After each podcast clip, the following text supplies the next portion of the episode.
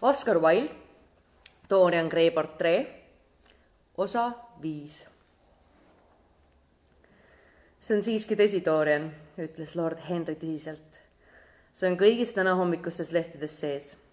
kirjutasin teile, et te neist ühtegi enne ei loeks, kui mina tulen. loomulikult alustatakse juurdlust ja tuleb hoolt kanda, et teid sellesse loosse ei segataks. Pariisis viivad niisugused asjad inimese moodi aga Londonis on kõik nii eelarvamuste kütkes. Siin ei tohi keegi skandaaliga karjääri alustada. seda peab tagavaraks hoidma, et vanas eas huvi, huvi äratada. loodan, et teatrist teie nime ei teata. kui ei, siis on kõik korras. kas keegi nägi, kui te tema tuppa läksite? see on oluline punkt. mõnda aega ei vastanud Dorian midagi. ta oli hirmus segane. lõpuks kogeles ta lämbuval häälel. Harry kas te nimetasite juurdlust? mida te sellega mõtlesite? kas Sibil? Oh, Harry, ma ei suuda seda taluda, aga tehke ruttu, rääkige mulle kohe kõik ära. olen kindel, et see polnud õnnetusjuhtum, Dorian. kuigi avalikkusele tuleb seda nõnda esitada. paistab nii, et kui ta kella poole ühe paiku hakkas koos emaga teatrist koju minema, ütles ta, et olevat midagi üles unustanud. Nad ootasid teda mõnda aega, aga alla ta enam ei tulnudki lõpuks leiti ta surnult garderoobi põrandal. Ta oli eksikombel midagi sisse võtnud, mingit hirmsat mürki, mida teatrites kasutatakse. ma ei tea, mis see oli, kuid see sisaldas siis kas siis sinihapet või tinavalget. kaldun arvama, et see oli sinihape, sest surm järgnes nähtavasti silmapilkselt. Harry, Harry, see on õudne, karjus poiss jah, muidugi see on väga traagiline, kuid te ei tohi lasta end sellesse segada standardist selgub, et ta oli seitsmeteistkümneaastane. Mina pidasin teda koguni veel nooremaks. ta paistis olevat päris laps ja näitlemisest näis ta küll õige vähe teadvat. vaadake ette, Dorian, et see asi teie närvidele ei mõjuks. Te peate minuga lõunale tulema ja pärast lähme vaatame natukene ooperit. täna on Päti õhtu, nii et kõik on seal. võite tulla minu õelooži, tal on seal mõned kükestavad daamid. nii et mina tapsin Sibil Veini ütles Dorian pooleldi endamisi. Tapsin ta niisama kindlasti, nagu oleksin noaga ta õrnukese kõri läbi lõiganud. ja ometi pole roosid sellest vähem ilusad. linnud laulavad niisama õnnelikult mu aias ja täna söön ma teiega lõunat, siis lähen edasi ooperisse ja arvatavasti sööme veel hiljem kusagil õhtust. kui haruldaselt dramaatiline on elu. kui ma seda mõnest raamatust oleksin lugenud, Harry, siis oleksin selle üle nutnud nüüd aga, kus see on tegelikult sündinud ja pealegi veel minu endaga, tundub see pisarate jaoks kuidagi nagu liiga imeline. siin on esimene kirglik armastuskiri, mille ma elus üldse kirjutanud olen. imelik, et mu esimene kirglik armastuskiri on adresseeritud surnud tütarlapsele. tahaksin teada, kas need valged vaikivad inimesed, keda me surnuteks nimetame, suudavad midagi tunda. Sibil suudab ta tunda, teada, kuulata. oh, Harry, kuidas ma teda kord armastasin. sellest oleks nüüd nagu aastaid möödas. ta oli minule kõik. ja siis tuli see hirmus õhtu. oli see tõesti alles eile õhtul? kui ta nii halvasti mängis ja mu süda tahtis lõhkeda. ta seletas mulle hiljem kõik. see oli kohutavalt pateetiline, kuid see ei liigutanud mind põrmugi. ma pidasin teda tühiseks. äkki juhtus midagi, mis mind hirmutas ma ei saa teile öelda, mis see oli, aga see oli midagi jubedat. lubasin, et lähen tema juurde tagasi. tundsin, et olen ülekohut teinud. ja nüüd ta on surnud. jumal, jumal, Harry, mis ma pean tegema? Teie ei tea, milline oht mind ähvardab ja pole olemas midagi, mis mind selle eest varjaks. tema oleks seda teinud. tal polnud mingit õigust ennast tappa. see oli temast isekas. kallis Dorian, vastas lord Henry, võttis karbist sigareti ja otsis taskus kuldplaatidega kaetud tikudoosi. ainus viis, kuidas naine iial võib meest muuta, on teda nii põhjalikult ära tüdata, et ta kaotab elu vastu igasuguse huvi. selle tüdrukuga abielludes oleksite ennast õnnetuks teinud, oleksite teda muidugi hästi kohelnud. inimeste vastu, kellest ei hoolist, hoolita, saab alati kena olla. aga tüdruk oleks õige pea nägema hakanud, et te olete tema vastu absoluutselt ükskõikne ja niipea, kui naine oma mehe suhtes sellele järeldusele jõuab, muutub ta kas võimatult lohakaks või hakkab kandma väga elegantseid kübaraid, mille eest peab maksma mõne teise naise mees. ma ei räägi seisuslikust eksisammust, see oleks minust alatu ja seda ma loomulikult endale ei luba. aga ma kinnitan teile, et igal juhul oleks kogu see asi täielikult läbi kukkunud. tõenäoliselt küll, lausus poiss näost surm kahvatuna toas edasi-tagasi kõndides. Aga ma mõtlesin, et see on mu kohus ega mina pole süüdi, et see õudne tragöödia takistas mul tegemast seda, mis on õige. mäletatavasti te ütlesite kunagi, et heades kavatsustes on midagi saatuslikku. Need jäävad alati hiljaks. minu puhul oli see tõesti nii. head kavatsused on asjatu katse looduse seadustele vahele segada. Nende algpõhjuseks on lihtsalt edevus. Nende tulemus on ümmargune null, seisund, millesse nad meid viivad kuulub nende toredate, kuid täiesti viljatute tunnete hulka, millel on teatav võlu nõrkade iseloomude jaoks. see on kõik, mida nende kasuks võib öelda. Nad on lihtsalt tšekid, millega inimesed arvet püüavad võtta rahapangast, kus neil mingit arvet ei ole. Harry, hüüdis Dorian Gray lord Henry juurde tulles ja ta kõrvale istudes. millest see tuleb, et ma seda tragöödiat sel määral läbi ei ela, nagu ma tahaksin? Ma ei usu, et olen südametu. kas teie usute? selleks olete viimase paari nädala jooksul liiga palju rumalusi teinud, et enda kohta nii öelda, Dorian, vastas lord Henry oma armsal nukral naeratusel. poiss kortsutas kulmu. see seletus ei meeldi mulle, Harry, ütles ta. aga mul on hea meel, et te mind südametuks ei pea. ma ei ole niisugune, ma, ma tean, et ei ole. ja ometi pean tunnistama, et see, mis juhtus, ei mõjunud mulle nii, nagu see mõjuma oleks pidanud mulle tundub, et see lihtsalt ühe imelise näidendi imelise lõpuna. see on Kreeka tragöödia kohutavat ilu. ma mängisin selles tragöödias suurt osa, kuid ise ma selle läbi kannatada ei saanud. see on huvitav küsimus, ütles lord Henry, kes tundis kõritavat naudingut poisi alateadlikul egotismil mängides. äärmiselt huvitav küsimus. minu arvates oleks õige seletus järgmine. sageli tuleb ette, et elu tegelikud tragöödiad toimuvad niivõrd madalal kunstilisel tasemel, et nad solvavad meid oma toore jõhkruse, absoluutse seostuse, seosetuse, absurdse tähendusetuse ja täieliku stiilipuudusega. Nad mõjuvad meisse nii, nagu meisse mõjub labasus. meile jääb mulje, nagu toimiks pime jõhker jõud ja me tõstame selle vastu mässu. Aga vahel puutume me elus siiski kokku mõne tragöödiaga, milles on kunstipärast ilu. kui see ilu avaldub reaalsel kujul, mõjub see meile lihtsalt nagu dramaatiline efekt. äkki me leiame, et meie pole enam näitlejad, vaid näidendi vaatajad või õigemini mõlemad korraga. me jälgime iseennast ja juba üksi vaatemängu imelisus võlub meid. aga mis siis käesoleval juhul tegelikult sündis? Keegi tappis end armastuse pärast teie vastu tahaksin, et ka mina oleksin midagi niisugust läbi elanud. see oleks pannud mind armuma armastusse kogu mu ülejäänud elupäevadeks. inimesed, kes mind on jumaldanud, palju pole neid olnud, aga mõni on siiski leidunud, on jonnakalt edasi elanud veel kaua pärast seda, kui mina enam neist või nemad minust välja ei hoolinud. Nad läksid paksuks ja muutusid tüütuks ja kui ma neid kohtan, hakkavad nad kohe mälestusi korrutama. ah, seda naiste koledat mälu kui õudne asi see on ja millist äärmist intellektuaalset tardumust see reedab. inimene peaks talletama elu värvi, aga mitte iial mäletama selle üksikasju. üksikasjad on alati labased. pean oma aeda moone külvama, ohkas Dorian. selleks pole mingit vajadust, ütles lord Henry. Elu toob niigi alati unustust. vahel jääb muidugi mõni asi venima kunagi kandsin kogu hooaja ainult kannikesi, kunstipäraselt lõinatas armulugu, mis ei tahtnud kuidagi surra. aga lõpuks suri ta ikkagi. ma ei mäleta enam, mis ta viimaks tappis. see oli vist tema lubadus ohverdada minu pärast kogu maailm. alati kohutav silmapilk. sind haarab sel puhul hirm igaviku ees. noh, uskuge või ei, aga nädal tagasi sattusin Lady Hampshire'i juures lõunasöögil kõnes oleva daami kõrval istuma ja ta tahtis tingimata kogu lugu uuesti läbi võtta. kaevas üles mineviku ja rehitses tulevikus. mina olin oma armastuse kalmukünkale istutanud valgeid liiljaid.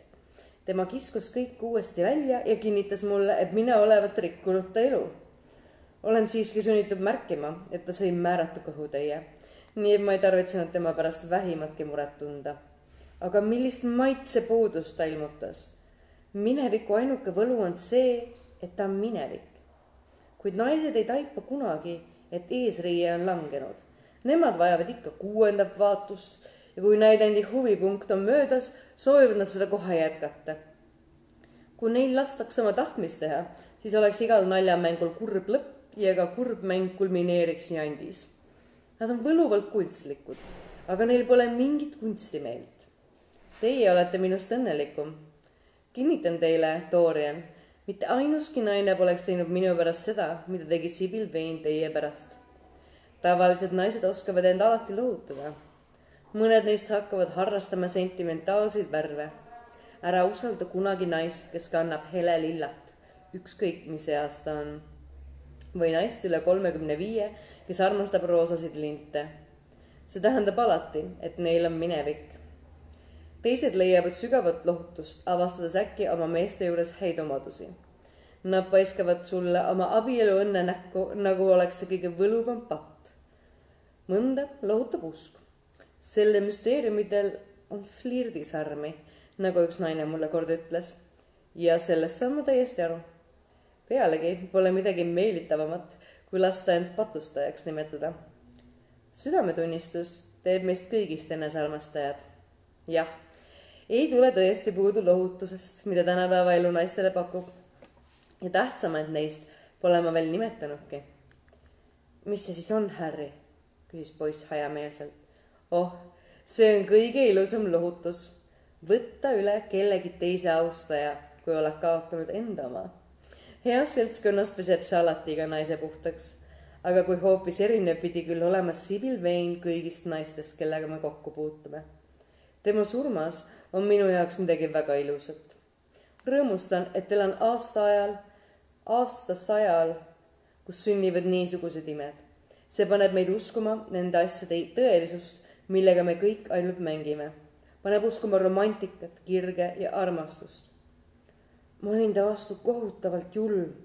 ärge seda unustage. naised vist hindavad julmust, varjamatut julmust rohkem kui kõike muud. Neil on imeliselt algelised vaistud. me oleme nad emantsipeerunud, kuid nemad jäävad ikka orjadeks, kes otsivad endale isandaid. Neile meeldib, kui neid valitsetakse. olen kindel, et te olite hurmav ma pole teid veel kunagi tõeliselt vihasena näinud, aga kujutlen, kui võrratu mulje te jätsite.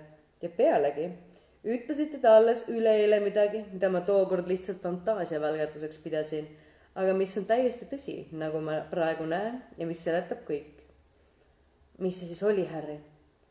Te ütlesite, et Sibyl Vane kehastab teie jaoks kõiki romantilisi kangelanasid, et ühel õhtul oli ta Desdemona, teisel Ophelia et kui ta suri Juliana, siis tõusis ta uuesti ellu Imogenina. enam ei tõuse ta kunagi ellu, lausus poiss ja peitis näo kätesse. ei, enam ei tõuse ta kunagi ellu. tema viimane osa on mängitud, kuid te peate võtma tema üksildast surma seal kehvas riietusruumis nagu üht kummalist õudset katkendit mõnest James Esimese aegsest tragöödiast, nagu imelist stseeni mõnest Websteri, Fordi või Cyril Tourneuri draamast. see tüdruk ei elanud kunagi tõeliselt ja sellepärast pole ta kunagi tõeliselt surnud. vähemalt teie jaoks oli ta alati ainult unenägu, viirastus, mis hõljus läbi Shakespeare'i näidendite, muutes need selle läbi kaunimaks. flööt, mis andis Shakespeare'i muusikale rikkalikuma, täiuslikuma rõõmukõla. hetkel, kui ta puutus kokku tõelise eluga, hävitas ta selle ja see hävitas tema ja nõnda ta surigi. leinake Ofeliat, kui see teile meeldib. riputage endale tuhka pähe, sest Cordelia kägistati. kisendage taeva poole, et suri Barbatino tütar. kuid ärge raisake oma pisaraid Sibyl Vane'i pärast. Tema oli vähem reaalne kui nemad. vaikus. videvik tihenes toas. käratult ronisid hõbejalgsed varjud aiast sisse väsinult tuhmusid esemel värvid. mõne aja pärast tõstis Dorian Gray silmad.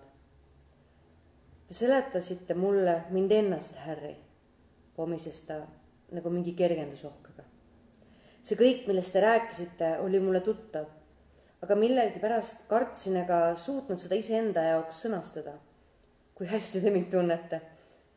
kuid ei maksa enam sellest rääkida, mis juhtus. see oli imeline kogemus, see on kõik. ei tea, kas elul peaks minu jaoks veel midagi niisama imelist varuks olema. elu on teie jaoks kõike varuks, Dorian. Pole olemas midagi, mida teie oma haruldase iluga ei suudaks korda saata. aga oletame, Harry, et ma jään vanaks, muutun kõhnaks ja kortsuliseks. mis siis? ah siis, ütles lord Henry tõustes, et lahkuda. siis, mu kallis Dorian, tuleb teil oma võitude pärast võitlema hakata. praegu aga tuuakse need teile kätte ei, te peate oma kauni välimuse säilitama. me elame ajajärgul, kus loetakse liiga palju, et tark olla ja mõeldakse liiga palju, et ilus olla. ilma teieta me läbi ei saa. Aga nüüd pange parem riidesse, me sõidame klubisse. olemegi juba üsna hiljaks jäänud. ma vist tulen teile hiljem ooperisse järele, Harry. olen liiga väsinud, et midagi süüa. mis teie õe looži number on? kakskümmend seitse, kui ma ei eksi see on mu, see on esimesel rõdul. Te leiate tema nime ukselt. aga mul on tõesti kahju, et ta sööma ei tule. mul pole tahtmist, ütles Dorian väsinult. Aga ma olen teile väga tänulik kõige eest, mis te mulle rääkisite. Teie olete kindlasti mu parim sõber. keegi pole mind kunagi nii hästi mõistnud kui teie. see on alles meie sõpruse algus, Dorian, vastas lord Henry tal kätt surudes. nägemiseni loodetavasti kohtan teid pool kümme pidage meeles, Päti laulab. kui lord Henry oli enda järel ukse sulgenud, vajutas Dorian Gray kellanupule. mõne minuti pärast ilmus Viktor lampidega ning laskis eesriided alla. kärsitult ootas Dorian ta lahkumist. näis, nagu võtaks igasugune tegevus tal äkki kohutavalt aega. niipea, kui teener oli toast läinud, tormas Dorian sirmi juurde ja tõmbas selle kõrvale. ei, pildi juures polnud mingit tuupmuudatust see oli saanud Sibyl Veini surmateate enne, kui Dorian ise sellest kuulis. niipea, kui elus midagi juhtus, oli see tal kohe teada. Paheline julmus, mis inetas suu peeni jooni, oli kahtlemata ilmunud just sel silmapilgul, kui neiu mürki jõi. ükskõik, mis see siis ka oli. või oli pilt ehk tagajärgede suhtes ükskõikne?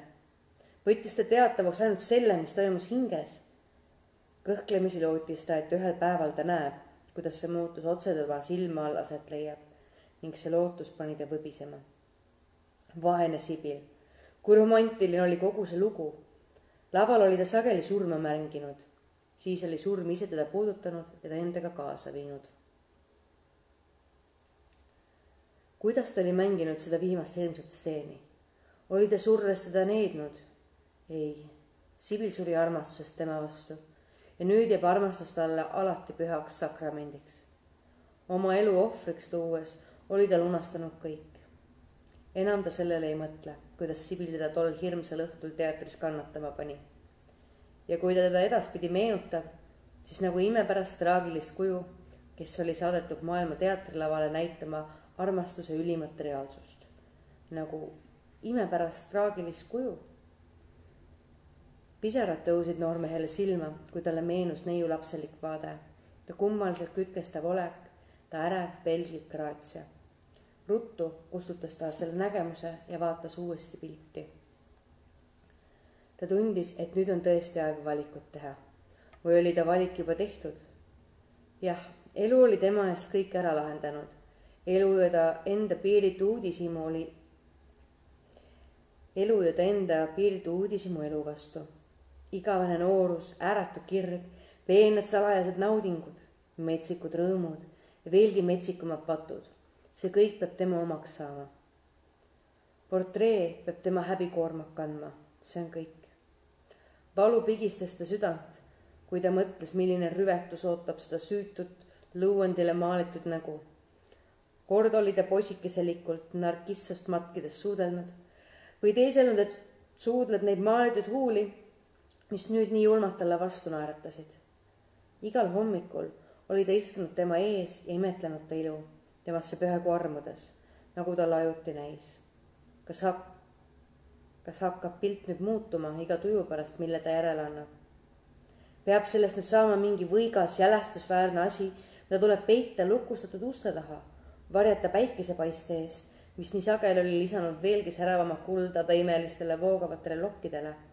kui kahju, kui kahju. korraks mõtles ta juba palvetada, et kohutav seos tema ja pildi vahel kaoks. palve läbi portree, palve läbi oli portree muutunud võib-olla võiks ta palve läbi ka muutumatuks jääda. ja ometi, missugune inimene, kes teab elust kõik, loobuks võimalusest noorust säilitada, ükskõik kui fantastiline see võimalus ka oleks ja ükskõik kui saatuslikke tagajärgi see ka kaasa tooks. pealegi, kas see nähtus ongi üldse tema kontrolli all? Kas see oli tõesti palve, mis muutus esile kutsus? võib-olla on kõigil hoopis mingi imelik teaduslik põhjendus kui mõte võib põhjustada elusat organismi, miks ei võiks siis mõjutada ka elutuid ja anorgaanilisi asju? veel enam, kas väljaspool meid asuv maailm ei saa äkki ilma erilise mõtteta või teadliku soovita võnkuda kooskõlas meie meeleolude ja kirgedega, aatom hõigata aatomit salajase armastuse või kummalise hõimluse mõjul. kui põhjusel polegi siin tähtsust. mitte iial enam ei püüeta palve läbi vallandada neid kohutavaid jõude kui pilt peab muutuma, siis muutugu, see on kõik. milleks nii sügavalt selle kallal juurelda? sest üksnes selle muutuse jälgimine oleks tõeline nauhing. nõnda avaneb võimalus vaadelda oma hinge kõige salajasemaid soppe. see portree kujuneb talle enneolemata nõiapeegliks, nii nagu pilt talle tema enda keha oli ilmutanud. nii ilmutab see talle nüüd ka ta enda hinge. ja kui pildile saabub talv seisab ta ise ikka seal, kus kevad suvehakul võbeleb. kui portree näos kaob veri ja järele jääb tinaste silmadega kahvatu kriidimask, säilitab tema oma noorusliku võlu. ainuski ta hurmavaist õitest ei närtsi eales. ainuski tema elutuige ei nõrgene. nagu Kreeka jumalad, jääb ka tema tugevaks, nobedaks ja rõõmsaks. vähe loeb siis see, mis sünnib lõuendile maalitud kujutisega. tema on kaitstud peaasi on see. endamisi naeratades tõmbas ta sirmi endisele kohale pildi ette ja läks siis magamistuppa, kus teener teda juba ootas. tunni aja pärast oli ta ooperis ja lord Henry kummardus tema tooli kohale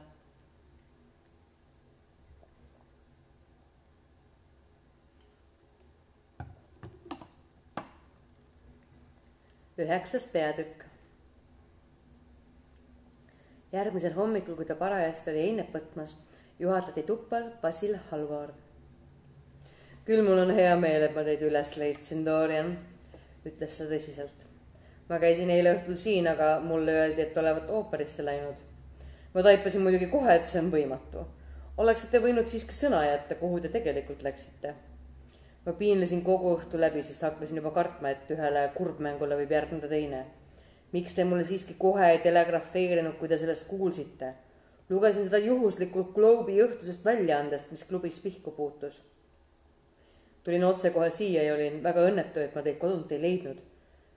ma ei oska öelda, kui kohutavalt mul see kõige selle pärast süda valutab. ma tean, kuidas te praegu kannatate. aga kus te olite? kas käisite tüdruku ema vaatamas? Korraks mõtlesin juba, et tulen teile sinna järele. aadress oli ajalehes ära toodud olin vist kusagil Houston Roadil, aga ma ei tihanud vahele segada leinale, mida ma leevendada ei suuda. vaene naine, mida ta küll peab läbi elama. pealegi veel ainus laps. mis ta kõige selle kohta ütles? kulla Basil, kust mina tean? pomises Dorian Gray kohutavalt tüdinud ilmel õrnast kuldselt pärlendavast Veneetsia klaasist kahvatukollast veini rüübates. olin ooperis Teiegi oleksite pidanud sinna tulema. nägin seal esimest korda Harry õde, Lady Gwendolini. olime tema loožis. ta on väga võluv ja Päti laulis jumalikult. ärge rääkige neist hirmsatest asjadest. kui me teatavast juhtumist ei räägi, siis pole seda nagu olnudki. üksnes sõnaline väljendus annab asjadele reaalsuse, nagu ütleb Harry. Olgu muuseas öeldud, et ta polnud selle naise ainuke laps. tal on ka poeg arvatavasti kena poiss, kuid see ei ole näitleja. pidavat nagu meremees olema. aga rääkige mulle nüüd parem iseendast ja sellest, mida te praegu maalite.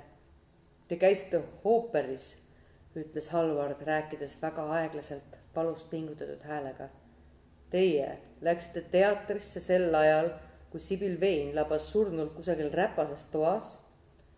Te suudate mulle rääkida, et teised naised on võluvad ja et Päti laulis jumalikult enne veel, kui tütarlaps, keda armastasite, on hauas rahu leidnud. kas te mõtlete, inimene, milline kohutav saatus ootab tema väikest valget keha? pidage, Basil, ma ei taha seda kuulata, karjus Dorian püsti karates. ärge siin hakake mulle igasuguseid asju ette veeretama. mis tehtud, see tehtud. mis läinud, see läinud. Kas eile on siis juba minevik? mis loeb siin tegelik ajavahemik? ainult ühistel inimestel läheb aastate kaupa aega, et mingist tundeelamusest vabaneda. inimene, kes on iseenda peremees, võib niisama kergesti murest võitu saada, kui uue lõbu leida. mina ei taha olla oma tunnete ori tahan neid kasutada, neid nautida ja neid valitseda. Dorian, see on õudne. Te olete millegipärast täiesti muutunud. Pealtnäha olete täpselt seesama imeline poiss, kes päev-päeva järel minu ateljees käis, et oma portree jaoks poseerida. kuid siis te olite lihtne, loomulik ja südamlik. Te olite kõige rikkumatum olemus terves ilmas. ma ei saa enam aru, mis teile on sisse läinud Te räägite, nagu poleks teil südant ega kaastunnet. see on kõik Harry mõju, ma näen seda. poiss punastas, astus akna alla ja vaatas veidi aega välja rohelisse helkivasse päikeseküllasesse aeda. ma võlgnen Harryle palju, Basil, ütles ta viimaks. rohkem kui teile. Teie õpetasite mulle ainult edevust. noh, selle eest olen ma oma karistuse saanud, Dorian. või ootab see mind veel ees ma ei saa aru, mis te sellega öelda tahate, Basil, hüüdis Dorian ümber pöördudes. ma ei saa aru, mida te tahate. mida te tahate? tahan seda Dorian Gray'd, keda ma maalisin, vastas nukk, kunstnik nukralt. Basil, ütles poiss tema juurde astudes ja talle kätt üle õlale pandes. Te tulite liiga hilja. eile, kui ma kuulsin, et Sibyl Vein on end tapnud. on end tapnud?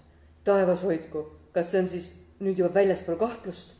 isesendas Halvard ja jäi talle meeletus hirmus otsa vaatama. aga armas Basil, ega te ometi arva, et see oli mingi labane õnnetus? muidugi tappis ta end. Eaka mees peitis näo kätesse. kui kohutav, pomises ta ja värin raputas ta keha. ei, ütles Dorian Gray, selles pole midagi kohutavat. see on üks meie ajastu suuri romantilisi tragöödiaid. tavaliselt elavad näitlejad kõige igapäevasemat elu Nad on head mehed või truud naised või muidu igavad. saate aru, mis ma öelda tahan? keskklasside vooruslikkus ja nii edasi. kui hoopis teistsugune oli Sibil, ta elas oma kõige, kõige kaunima tragöödia ise läbi. ta jäi alati kangelannakas. sel viimasel õhtul, kui ta mängis, sel õhtul, kui teie teda nägite, mängis ta halvasti, sest ta oli tundma õppinud armastuse tõelisust. kui ta mõistis selle ebatõelisust, suri ta, nagu kord pidi surema Julia. ta läks tagasi kunstivaldkonda. temas on midagi märterlikku. Tema surmas on märterluse liigutavat mõttetust, selle raisatud ilu. aga nagu ma ütlesin, te ei tohi arvata, et mina pole kannatanud. oleksite te eile teatud, oleksite te eile teatud silmapilgul sisse astunud, võib-olla poole või kolmveerand kuue paiku, siis oleksite leidnud mind pisarais isegi Harry, kes siin käis ja kes mulle tegelikult selle uudise tõi, isegi temal polnud aimu, millest ma läbi elasin. ma kannatasin pööraselt. Siis läks see üle. ma ei saa oma tundeid korrata, keegi ei saa, kes loomu poolest haletundeline ei ole. ja teie olete hirmus ülekohtune, Basil. Te tulete siia, et mind lohutada, see on teist väga kena. aga kui leiate mu juba lohutatuna, siis saate vihaseks.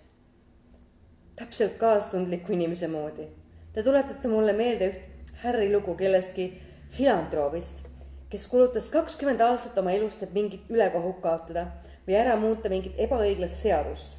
mul on juba meelest läinud, mis see parajasti oli. lõpuks läks see teil korda ja ta polnud veel elus tundnud suuremat pettumust. tal polnud enam midagi teha. ta peaaegu suri igavuse kätte ja muutus veendunud misantroobiks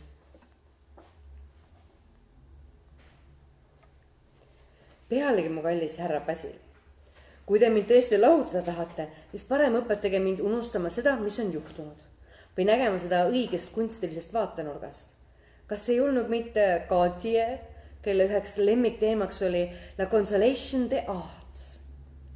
mäletan, et mulle puutus Cortei ateljees kätte väike vasikanahkses köitis raamat. sealt ma selle ütluse leidsin. tõsi, ma ei ole küll selle noormehe sarnane, kellest te mulle rääkisite, kui me koos Marlows olime ja kes armastas öelda, et kollane siid võib lohutada kõigis elu viletsustes. Ma armastasin ilusaid esemeid, mida võib puudutada ja kätte võtta. vana brokaat, roheline pronks, lakitud pinnad, nikerdatud elevandiluu, uhke ümbrus, luksus, toredus. sellest kõigest võib nii palju saada. kui kunsti atmosfäär, mille nad loovad või mida nad ilmutavad, on minu jaoks midagi veelgi enamat saada iseenda elu vaatlejaks, nagu ütleb Harry, tähendab vältida elupiina. Te olete kindlasti üllatatud, et ma teiega nõnda räägin. Te pole märganud, kuidas ma olen arenenud. ma olen koolipoiss, kui te minuga tut-, ma olin koolipoiss, kui te minuga tutvusite. nüüd olen ma meheks saanud. mul on uued kired, uued mõtted, uued ideed. ma olen teistsugune, aga te ei tohi mind sellepärast vähem armastada. ma olen muutunud aga te peate ikka mu sõbraks jääma. muidugi Harry meeldib mulle väga, aga ma tean, et teie olete parem kui tema. Te ei ole tugevam. Te tunnete elu ees ülearu suurt hirmu, aga te olete parem. ja kui õnnelikud me kahekesi olime, ärge jätke mind maha, Basil, ja ärge riielge minuga. ma olen see, mis ma olen. rohkem pole siin midagi öelda. kunstnik tundis end imelikult liigutatuna noormees oli talle lõpmata kallis ja tema isiksus oli olnud kunstile pöördepunktiks. mõte, et ta peaks poisile veel midagi ette heitma, oli talumatu. Pealegi võis ta ükskõiksus olla vaid tuju, mis peagi möödub. temas oli nii palju head, nii palju õilsat. olgu peale, Dorian, ütles ta viimalt nukralt, viimaks nukralt naeratades. edaspidi ei räägi ma teiega enam sellest hirmsast sündmusest tahaksin ainult loota, et teie nime selles seoses ei mainita. täna pärastlõunal toimub kohtulik juurdlus, kas teid kutsuti välja? Dorian raputas pead ja juurdluse mainimisel jooksis üle ta näo pahameelevari. kõigi niisuguste asjade juures oli midagi äärmiselt toorest ja labast. Nad ei tea minu nime, vastas, vastas ta. aga Sibil ju ometi teadis. ainult minu eesnime ja ma olen kindel, et ta ei öelnud seda kunagi kellelegi ta rääkis mulle kord, et kõigil on suur himu teada saada, kes ma olen. ja et ta on mind alati kangekaelselt prints võlujaks nimetanud. see oli temast ilus. Te peate mulle Sibilist ühe pildi joonistama. tahaksin, et mul oleks temast midagi enamat kui vaid mälestus mõnest suudlusest ja paarist katkendlikust hellast sõnast. kui te seda soovite, Dorian, siis katsun midagi teha. aga te peate ise ka mulle jälle modelliks tulema ma ei oska ilma teieta olla. ma ei saa teile enam kunagi modelliks tulla, Basil, see on võimatu, hüüdis Dorian järsult eemale tõmbudes. kunstnik vaatas talle pärani silmi otsa. Aga kallis sõber, mis rumalusi te räägite, hüüdis ta. kas te tahate öelda, et see pilt, mis ma teist maalisin, ei meeldi teile? kus see on? miks te olete selle sirmi ette tõmmanud, laske ma vaatan seda, see on mu parim teos. Dorian, palun võtke see sirm eest ära Teie teener on lihtsalt häbematu, et ta minu teost nõnda varjab. ma tundsin kohe sisse astudes, et tuba on kuidagi muutunud. minu teenril pole sellega midagi pistmist, Basil. Ega ta ometi arva, et ma lasen temal oma tuba ümber seada. lilli ta mõnikord sätib, aga see on ka kõik. ei, ma tegin seda ise. valgus oli pildile liiga hele. liiga hele? seda kindlasti mitte, armas Dorian. siin oli talle suurepärane koht. laske ma vaatan ja Halvard lähenes portreele, mis seisid toanurgas. Dorian Gray huulilt kostis ilmu, hirmukarjastus ja tormas kunstniku ja silmi vahele. Basil, ütles ta sootus kahvatuna. Te ei tohi seda vaadata, ma ei taha. ei tohi vaadata omaenda teost. Te ei mõtle seda ometi tõsiselt. miks ma ei peaks seda siis vaatama? küsis Halvard naerdes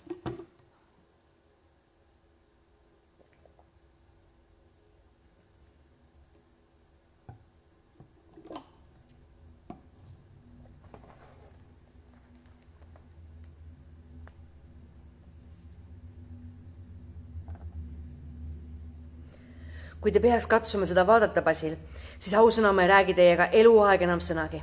ma mõtlen seda tõsiselt. ma ei anna mingit seletust ja teie ei tohi seda ka küsida, aga pidage meeles, kui te seda sirmi puudutate, siis on meie vahel kõik läbi. Halvard seisis nagu piksast rabatud. täielikus jahmatuses vahtis ta Dorian Gray'le otsa. ta polnud teda veel sellisena näinud. poiss oli vihast lubivalge, ta käed olid rusikas ja silmad välkusid nagu sinised tuleketted. ta värises üle keha. Dorian, olge vait. aga mis siis lahti on? loomulikult ei hakka ma vaatama, kui te seda keelate, ütles ta üpris külmalt, pööras kanna pealt ringi ja astus akna alla. aga tegelikult on see siiski absurdne, et ma enda maalitud pilti näha ei tohi. seda enam, et kavatsen selle sügisel Pariisis näitusele panna.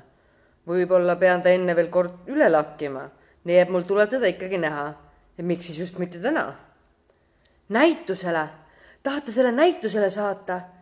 hüüdis Dorian Gray ja temast jooksis läbi kummaline hirmulaine. kas siis tema saladust hakatakse maailmale näitama? kas inimesed hakkavad pärane silmi tema elu müsteeriumi vahtima? see oli võimatu. midagi oli vaja teha ja viivitamata. aga mida just, seda ta ei teadnud jah, ma ei usu, et teil võiks midagi selle vastu olla. George Betty tahab kõiki mu paremaid, kõik mu paremad pildid kokku koguda ja korraldada Rue de Cecil personaalnäituse, mis avatakse oktoobri esimesel nädalal.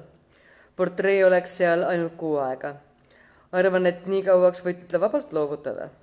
pealegi olete te vist sel ajal linnast ära ja kui te teda kogu aeg sirmi taga hoiate, siis peaks see teile lõpuks ükskõik olema Dorian Gray tõmbas käega üle otsa sise. seal nõretasid higipisarad. ta mõistis, et seisab kohutava kuristiku serval. kuu aega tagasi ütlesite mulle, et seda pilti te kunagi näitusele ei pane, hüüdis ta. miks te ümber mõtlesite? Teiesugustel inimestel, kes end nii põhimõttekindlaks peavad, on niisama palju tujusid kui teistelgi. ainus vahe on selles, et teie tujud on nii mõttetud Te pole ju ometi unustanud, kuidas te mulle kõige pühalikumalt kinnitasite, et ükski vägi ei sunni teid seda pilti näitusele saatma. Harrile te rääkisite täpselt sedasama. äkki jäi ta vait ja ta silmadesse ilmus eriline helk. talle meenus, kuidas lord Henry oli talle kord pooleldi tõsiselt, pooleldi naljatades öelnud. kui soovite endale huvitava veerandtunni võimaldada, siis küsige Basililt, miks ta ei taha seda pilti näitusele panna. minule ta ütleks, miks ta ei taha minule ta ütleks, miks ta ei taha ja mulle oli see hämmastavaks uudiseks. jah, võib-olla on ka Basilil oma saladus. ta katsub selle välja uurida. Basil, ütles ta kunstniku juurde astudes ja talle otse silma vaadates. meil mõlemal on oma saladus. avaldage teie mulle oma saladus, siis ütlen teile enda oma. mis põhjusel te tookord keeldusite minu portreed välja panemast? kunstnik ei suutnud hirmuvõpatust varjata Dorian, kui ma seda teile ütlen, siis hakkate ehk minust vähem lugu pidama kui praegu ja igal juhul naerate mind välja. ma ei suudaks kumbagi taluda. kui soovite, et ma enam kunagi teie portreedi vaata, siis olen ma sellega nõus. Teie ise olete mul alati vaatamiseks olemas. kui te just soovite, et parim teos, mille ma kunagi loonud olen, maailmast varjule jääb, siis lepin ka sellega. Teie sõprus on mulle rohkem väärt kui mis tahes kuulusus kuulsus või au. ei, Basil, te peate mulle ütlema, nõudis Dorian Gray. arvan siiski, et mul on õigus seda teada saada. hirm oli kadunud, uudishimu selle asemel astunud. ta võttis kindlalt nõuks Basil Halvardi saladusele jälile saada. istume, Dorian, ütles kunstnik vaevatud ilmel. istume ja vastake ühele minu küsimusele. kas te olete ehk selle pildi juures midagi imelikku märganud? Midagi, mis teile alguses ehk silma ei puutunud, kuid mis nüüd äkki nähtavaks sai. Basil, karjus poiss tooli käetugedes värisevate sõrmedega kinni haarates ja kunstlikule meeletul jahmunud pilgul otsa vaadates. näen, et nii see on, kannatage. oodake, kuni kuulate, mis mul öelda on. Dorian, esimesest silmapilgust peale, mil ma teid kohtasin, avaldas teie isik minusse erakordset mõju. kogu mu hing mõistus ja jõud seisid teie võimuses. Teie kehastate minu jaoks seda tabamatut ideaali, mis kummitab meid kunstnikke nagu mälestus imeilusast unenäost. ma jumaldasin teid. olin armukade kõigi peale, kellega te rääkisite. tahtsin teid tervenisti endale. olin õnnelik ainult siis, kui olin teiega. isegi kui te eemal viibisite, andsite ennast tunda minu kunstis. loomulikult ei näidanud ma seda teile välja, see oleks olnud võimatu. Te ei oleks seda mõistnud. vaevalt, et ma seda isegi mõistsin. teadsin vaid, et olin näinud täiuslikkust näost näkku ja et maailmas silmade ees oli muutunud imeliseks, võib-olla liigagi imeliseks, sest niisuguses hullumeelses jumaldamises peitub hädaoht, oht seda kaotada ja ühtlasi oht seda säilitada nädal läks nädala järel ja ma kiindusin teisse üha enam ja enam. siis tuli uus arenguetapp. Olin teid joonistanud pärisena toredas relvastuses, Adonisena jahimehe ülikonna ja läikiva odavaga. lopsakate lootuslilledega kroonitult olete te istunud Adrianuse lõbusõidulaeva ninas, vaadates üle rohelise sogase niiluse. Te olete kummardanud mingi Kreeka metsamaastiku taustal vaikse lätte kohale ja vaadanud veehõbedases vaikuses iseenda näo imet. ja see oli kõik nii, nagu kunst peab olema. ebateadlik, ideaalne ja kauge. Ühel päeval, vahel mõtlen, oli see saatuslik päev, otsustasin teist maalida imelise portree, nii nagu te tegelikult olete. mitte surnud aegade kehakattes, vaid teie enda riietes ja teie enda ajajärgul. oli see nüüd realistlik kunstimeetod või lihtsalt teie erakordne isikupära, mis mulle nii ilma varju ja loorita ilmutas, seda ei oska ma öelda. aga ma tean, et kui ma selle juures töötasin, näis mulle nagu paljastaks iga värvilaik ja varjund mu saladust. hakkasin juba kartma, et teised seda ebajumala teenimist märkavad. tundsin, Dorian, et olin öelnud liiga palju, et olin pannud sellesse pildisse liiga palju iseendast. ja siis tegingi otsuse seda mitte iial näitusele panna Te olite pisut pahane, kuid tookord ei mõistnute, mida see kõik mulle tähendas. Harry, kellele ma sellest rääkisin, naeris mind välja, kuid ma ei hoolinud sellest. kui pilt oli lõpetatud ja ma üksinda selle ees istusin, siis tundsin, et mul on õigus. aga mõne päeva pärast viidi pilt mu ateljeest minema ja niipea, kui olin vabanenud tema juuresolu talumatust lummusest, näis mulle, et ma olin olnud lihtsalt arust ära kujutades, nagu näeksin seal midagi muud peale teie haruldase ilu ja omaenda maalimisoskuse. ma ei vabane praegugi tundest, et on ekslik arvata, nagu avaldaks loomingu hetke kirgend tingimata ka kunstiteoses endas. kunst on alati abstraktsem, kui meie seda kujutleme. vorm ja värv räägivad meile ainult vormist ja värvist, see on kõik. mulle näib sageli, et kunst varjab kunstnikku hoopis täielikumalt, kui ta seda ilmutab ja kui ma siis Pariisis selle pakkumise sain, otsustasin teha teie portreest näituse naela. mul ei tulnud mõttessegi, et te võiksite vastu olla. nüüd saan aru, et teil on õigus. Seda pilti ei saa näidata. Te ei tohi taha pahaks panna, Dorian, mis ma teile rääkisin. nagu ma korda Harryle ütlesin, olete te loodud jumaldamiseks. Dorian Gray tõmbas sügavasti hinge. värv tuli talle näkku tagasi ja tema huultel tuksles naeratus. hädaoht oli möödas selleks korraks oli ta pääsenud. ent tahes-tahtmata tundis ta sügavalt kaasa kunstnikule, kes oli talle pihtinud kummalisi asju. ja ta küsis endamisi, kas kunagi mõnda sõbra isik teda ennast samuti vallutada võiks. Lord Henryl oli äärmiselt hädaohtliku inimese külgetõmbejõud, kuid see oli ka kõik. ta oli selleks liiga tark ja liiga küüniline, et temasse tõeliselt kiinduda. kas ilmub kunagi keegi, kes temas niisugust seletamatut, jumaldavat, austust ärataks. kas see oli üks neist asjadest, mida elu tema jaoks tallele oli pannud?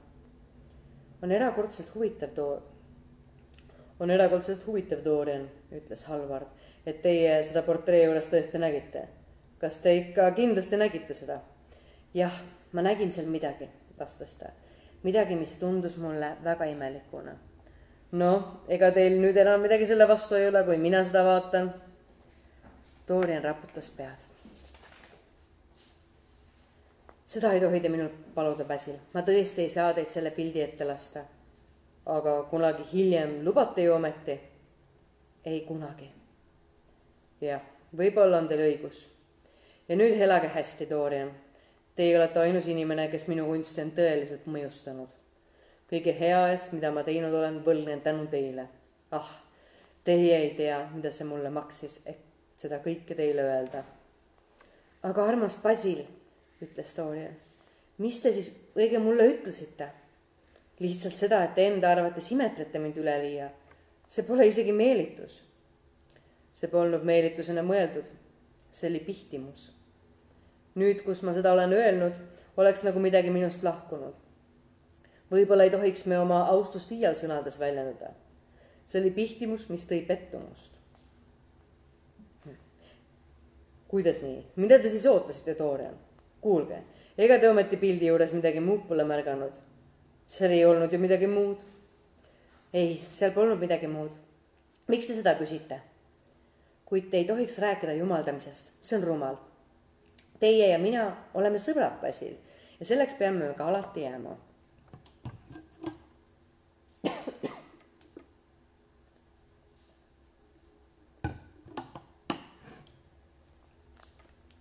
Teil on ju Harry, ütles kunstnik nukralt. oh, Harry ütles poiss moka otsast naerdes. Harry kulutab oma päevad juttudele, mida ei saa tõsiselt võtta. õhtud tegudele, mida ei saa uskuda. just seda laadi elu tahaksin ka mina elada. aga ometi ei läheks ma Harry juurde, kui ma hädas oleksin. pigem otsiksin üles teid, Basil. kas tulete mulle uuesti modelliks? see on võimatu. Dorian, oma keeldumisega te hävitate minu kui kunstniku elu. kahte ideaali pole veel ükski inimene leidnud harv on neid, kes ühegi leiavad. ma ei saa seda teile seletada, Basil, aga ma ei tohi teile enam kunagi poseerida. igas portrees on midagi saatuslikku, see elab omaenda elu. kunagi tulen teie juurde teed jooma, see on niisama meeldiv. Teile kindlasti veel palju meeldivam, pomises Halvard kahetsevalt, aga nüüd elage hästi. väga kahju, et ei lase mul korrakski veel seda pilti vaadata. aga mis sinna parata mõistan väga hästi, mis tundeid see tõis äratab. kui kunstnik oli lahkunud, naeratas Dorian Gray endamisi. vaene Basil, kui vähe tal tegelikult põhjusest aimu oli ja kui kummaline oli seegi, et omaenda saladuse avaldamise oli tal peaaegu juhuslikult õnnestunud sõbralt tema saladus välja pigistada. kui palju see kummaline pihtimus talle seletas kunstniku mõttetud armukadeduse hood, tema meeletu kindamus, ekstravagantsed kiidulaulud ja ta imelikud vaikimised. nüüd mõistis ta neid kõiki ja tal oli kahju.